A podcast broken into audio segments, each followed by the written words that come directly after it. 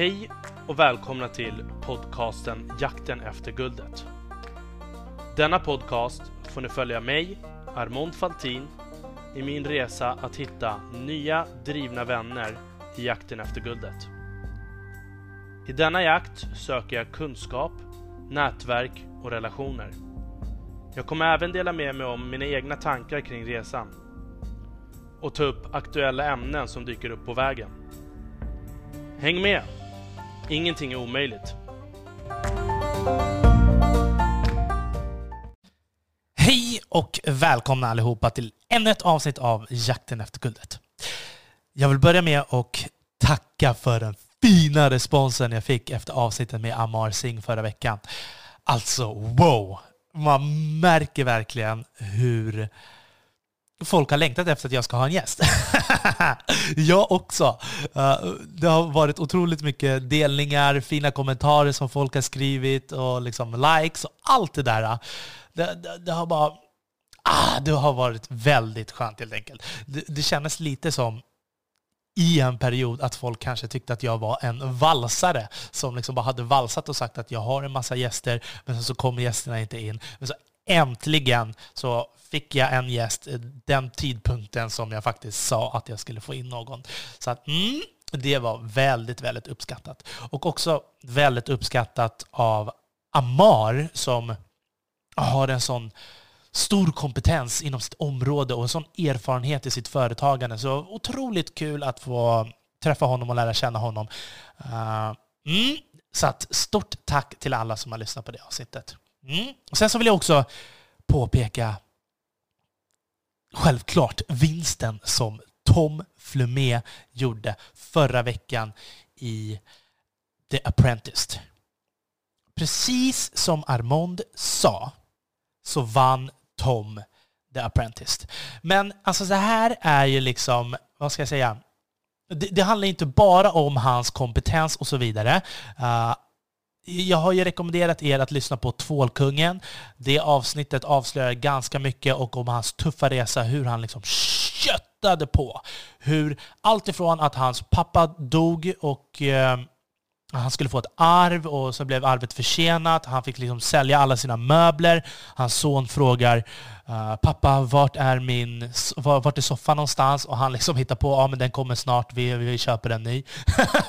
så att alltså hans resa, den, den har varit fantastisk. Och, och allting handlar om hur du kan stå i tuffa tider. Så att, Eh, eh, det var också någonting som jag tänkte på liksom, när, man, när man tittar på folk med så fina titlar som har liksom, trygga anställningar, uh, bra lön och, och, och, så vidare. De kan vara hur duktiga som helst. Alla vill starta företag.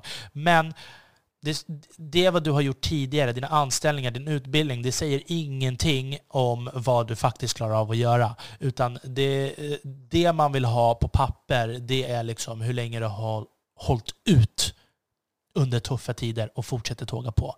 Och det har Tom verkligen gjort. Samtidigt som han liksom fick in den här grymma dealen med Kicks uh, innan. Men det är inte bara därför, utan Gunilla, hon har ju faktiskt också tidigare investerat i Base of Sweden. Base of Sweden är uh, ett skönhetsföretag eh, grundat av Jasmine Um, nu har, kommer jag inte ihåg hennes efternamn riktigt, men hon heter Jasmine of Sweden på Instagram i alla fall. Följ henne. Hennes resa har ju jag följt sedan hon pitchade i Businesspodden för kanske typ fyra år sedan. Och jag minns hur, alltså Businesspodden drevs ju av eh, Mikael Arndt och Josef Allesen. Och eh, den gick ut på att de hade massa gäster, eh, massa tunga näringslivsprofiler. Och så fick en gäst ringa in och liksom pitcha sin idé till de här näringslivsprofilerna och så skulle de lägga en åsikt kring den här idén eller företaget som, som de hade igång. Och det har ju varit otroligt många som har varit med i Businesspodden som sen har blivit framgångsrika. Och men hur som haver, Victoria Silvstedt var en av de här uh, näringslivsprofilerna som uh, Jasmine pitchade in för. Jag, vet, jag minns inte riktigt hur det gick just under pitchen. Uh, men efteråt i alla fall så bestämde sig Jasmine för att skicka ut produkter till Victoria. Efter några månader, när hon hade fått upp modet och Victoria hade fått produkten, så kontaktade Victoria Jasmine och sa att hon ville vara med på tåget. Victoria hoppade in. Kort tag därefter så hoppade Gunilla von Platen in. Och jag kan ju berätta lite om, om eh, själva produkten. Alltså den här, just eh, första produkten var i alla fall en bas för eh, smink. Så att du smörjer in ansiktet med en bas som gör att du kan eh, träna, bada och liksom sminket och sånt ska hålla Eh, i för, upp till 48 timmar efteråt. Så det är liksom en funktionell bas som kvinnor kan använda som hon kände att eh, det fanns inte ute på marknaden. Och, och, och, Victoria höll med, hon testade den och det var jättebra och eh, Gunilla hoppade in, hon testade förmodligen också produkten. Och sen har det bara gått som en raket. De, jag tror att de säljer till Kina, de säljer i Tyskland, de säljer i Norden, de säljer i Europa och det har liksom bara gått spikrakt uppåt. Otroligt fantastisk resa. Så där kan man ju liksom också säga att Gunilla är ju redan inom det här liksom skönhetssegmentet. Så att när Tom kommer in med deodoranter, schampo och tvål så är hon liksom redan där och har väldigt mycket att tillföra. Så därav visste jag också eh, att det fanns liksom flera anledningar varför Tom skulle vinna och Gunilla skulle gå in. Mm. Ah, följ, följ deras resor säger jag bara. Följ deras resor. Men nu vill jag också gå in på en annan person. Som jag har pratat om så mycket tidigare, men det är ju faktiskt Denise Sandqvist. Denise och hennes företag och den här lifestyle-appen, lifestyle dating-appen Fika eh, ska vara med i Shark Tank i Vietnam. Och jag kan säga så här, jag vet jag vet inte så på, det, på den nivån att jag liksom har pratat med henne och frågat hur det gick. Men jag kan bara gissa att alla hajar måste ju försöka hoppa in på den här idén. Det är liksom en supersexy produkt. Det är ett starkt team. Och alltså, jag vet inte vad jag ska säga, men Denise, hon har Conquer Hockey. Och jag vet att jag har pratat om det här tidigare, men det finns ju liksom tre olika haki. En är observation haki, som det går ut på, har ni sett, jag tror så här, det är säkert väldigt många som har sett det här klippet där det är ett baseballproffs som står och pratar med en reporter. Och sen från ingenstans så kommer det en stenhård baseballboll mot den här reporterns ansikte. Och baseballspelaren, han tittar inte ens på bollen eller någonting. Han, han bara känner med varenda fiber och cell i hela kroppen att fara och någonting nära är liksom i närheten och han fångar den här bollen med en hand utan att ens titta. Och det här är observation hockey. Det här går bara att liksom träna sig till. Du kan Alltså, du kanske kan känna saker och ting runt omkring dig, men när du har den här precisionsnivån, det, det, är liksom, det går bara att träna sig till. Han känner att det är fara runt omkring sig, och, eller han kan känna liksom allting. Du skjuter ut din haki flera meter runt, runt omkring din kropp. Vissa kanske kan känna när, känna när det är jättenära, andra kan känna när det är lite längre bort. Uh, jag vet inte om folk har tänkt på det här, kanske när man sitter på tunnelbanan eller bussen eller någonting och så kommer det in en riktigt arg person och så känner du den här personens liksom närvaro i hela bussen och alla liksom kyls ner. Det är ungefär så, fast det betyder inte att du har liksom riktig observation. Hockey, där du kan fånga med precision.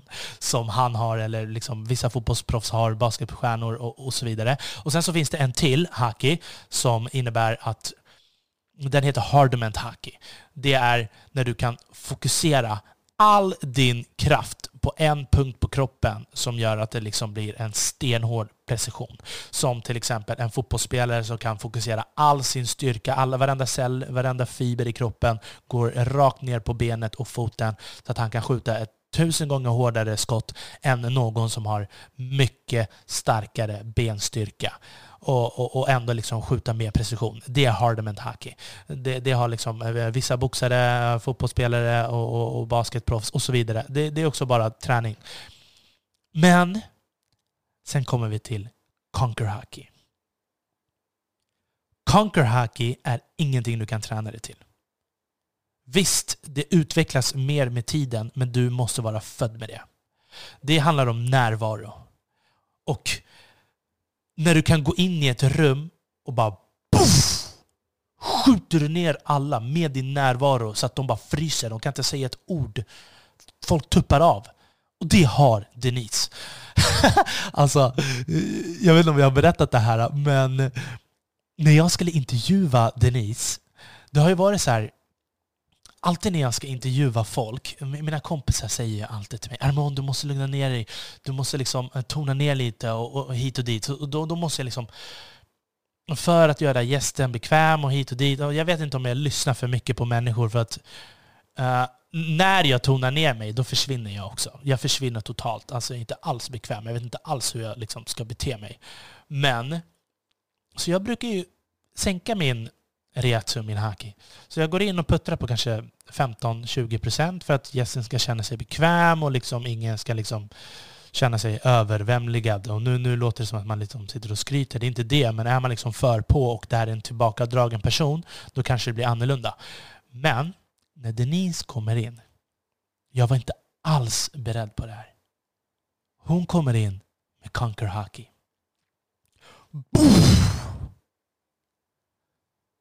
Så bara känner jag hennes presence. Och jag bara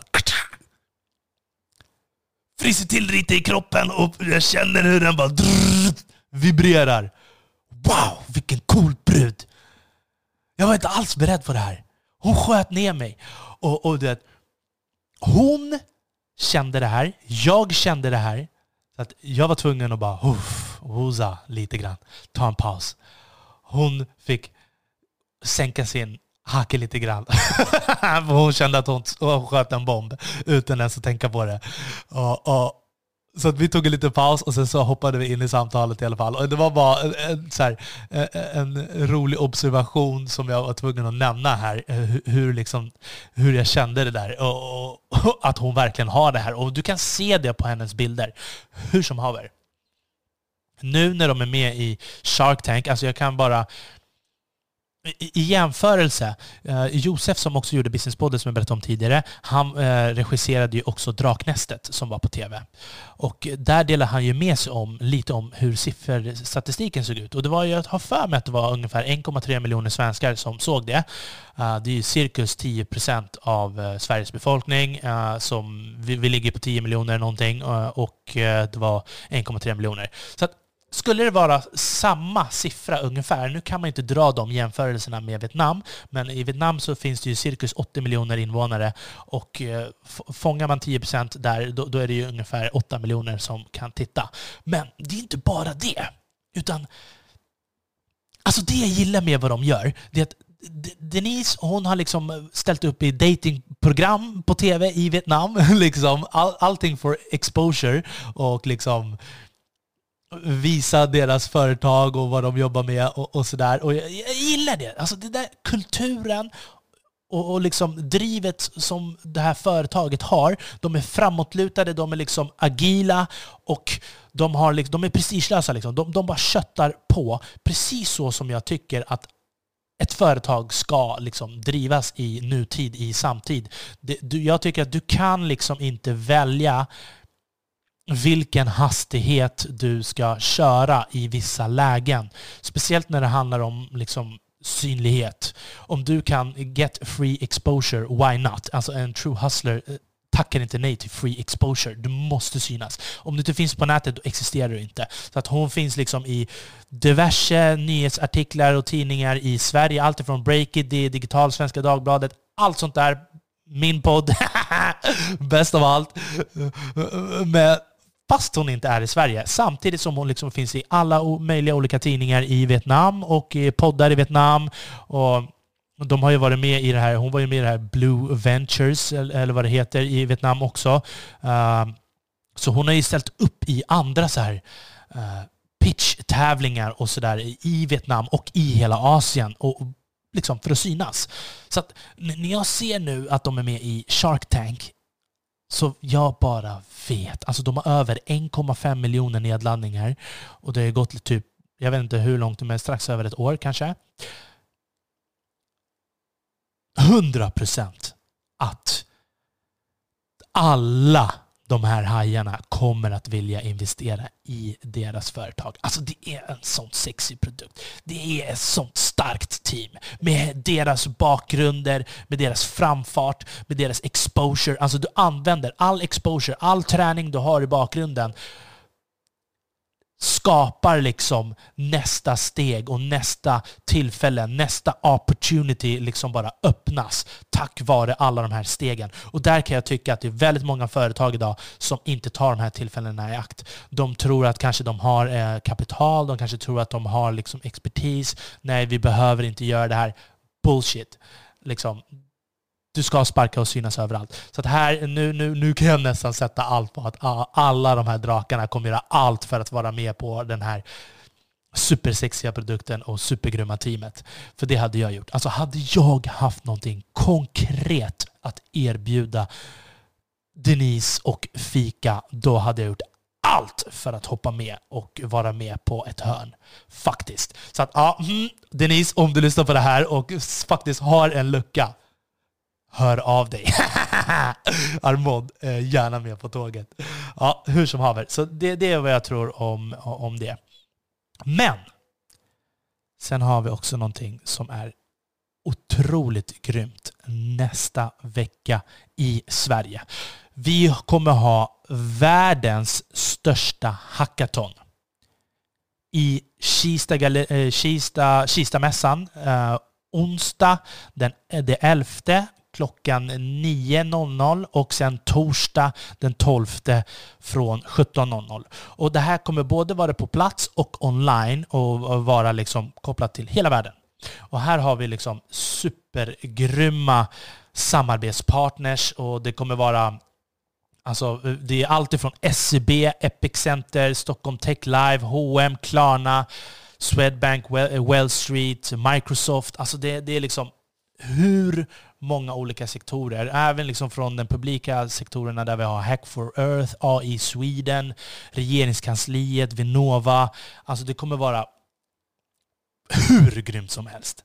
Och den här, det här hackatonet det leds ju av eh, den här supergrymma tjejen Ishtar Twilight. Alltså Ishtar, ni bara måste söka på henne och lyssna på hennes i, i någon podd. Hon är, har varit liksom i, fått så många utmärkelser som eh, Sveriges framtidshopp, Sveriges mest liksom impactfulla techkvinna. Hon har drivit så många olika techprojekt. Och den här tjejen, hon rymde hemifrån när hon var 14 år. Ljög om sin ålder, började jobba på en pizzeria och sen har hon bara köttat sig framåt och blivit hur framgångsrik som helst. Och hon är ung. Hon är runt mellan 30-35 års åldern. Hur grym som helst. Så det här, det här eh, eventet det kommer bli så himla coolt. Och jag har funderat väldigt mycket på så här, varför just en hel dag bara? Och varför på vardagar? Och då, då kan man tänka, tänka lite så här, ja men okej, du måste ändå selektera. Du selekterar på så sätt att det bara är seriösa personer. Du måste ha vågat hoppa ut där och vara liksom ute i såsen och kämpat på. Om du inte liksom har tagit det klivet, då vet man inte om du faktiskt är redo. Precis som jag sa tidigare, du kan ha världens liksom utbildning, världens tidigare arbetslivserfarenheter. Eh, men om du har suttit med tryggheten av en lön eller att du inte kan ta ledigt från jobbet en dag, ja, då, då tyvärr, då har ni inte det. Då är ni inte där än. så att på, på så sätt så förstår jag liksom, och, och, tycker att det kan vara bra att man selekterar och eh, gör att det bara är seriösa människor som kommer vara med. Jag kan verkligen tänka mig, alltså så här, jag undrar hur det kommer vara för de som är online, hur det här eventet kommer vara. Uh, jag kommer självklart att vara med på ett hörn på ett eller annat sätt uh, nästa vecka. Jag ska göra allt i min makt. Uh, vi får se om, om jag kommer vara åskådare eller om jag kommer vara deltagare. ah, spännande, spännande. Men det här kommer ju vara de tre håna. Alltså de tre håna det är ju liksom hipster, hacker och hustler. Och hipstern, det kan stå för liksom design, marknadsföring och, och, och det där. Hacken står liksom bakom teknologin och liksom kan skapa och bygga det vi behöver. Och sen så har man hustlen. Hustlen som bara kan sälja. Det kan vara allt från entreprenörer eh, till säljare. Eller jag, vet inte. jag tror att det kommer komma folk från alla möjliga olika bakgrunder som kommer vara med. Men jag, jag tycker det här är supergrymt. Och om ni vill se hur ett hackathon kan gå till, då rekommenderar jag alla att titta på serien Startup på Netflix.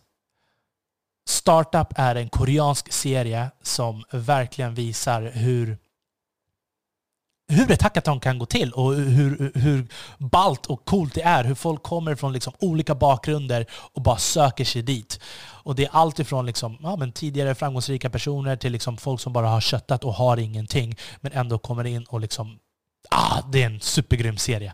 Och jag tror att det här hackathonet det kommer bli så otroligt grymt. Och det, det, vill man få exposure, vill man synas, alltså har man varit med i såsen ett tag, har man kämpat, och precis som i, i den där serien så visar de också att det kommer alltid vara någon som känner någon. Och eh, här i Sverige så är Stockholm ganska litet. Om jag glider dit så kommer jag garanterat känna en stor andel eh, människor som kommer vara där.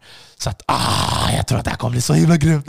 Ja, jag kan knappt hålla mig. Hur som helst, jag tror att det här får vara allt för det här avsnittet. Eh, annars så kommer jag bara babbla sönder mig hur mycket som helst i cirklar. Men eh, skriv gärna in till mig som vanligt om ni har tips på gäster, ämnen och så vidare. Uh, det här får vara allt för det här avsnittet. Följ oss i podcaster-apparna. Uh, följ oss i sociala medier. Ge oss stjärnor, ge oss betyg. Det gör verkligen all skillnad. Och så länge, jakten efter guld mina vänner, med vänliga hälsningar, Armond Faltin.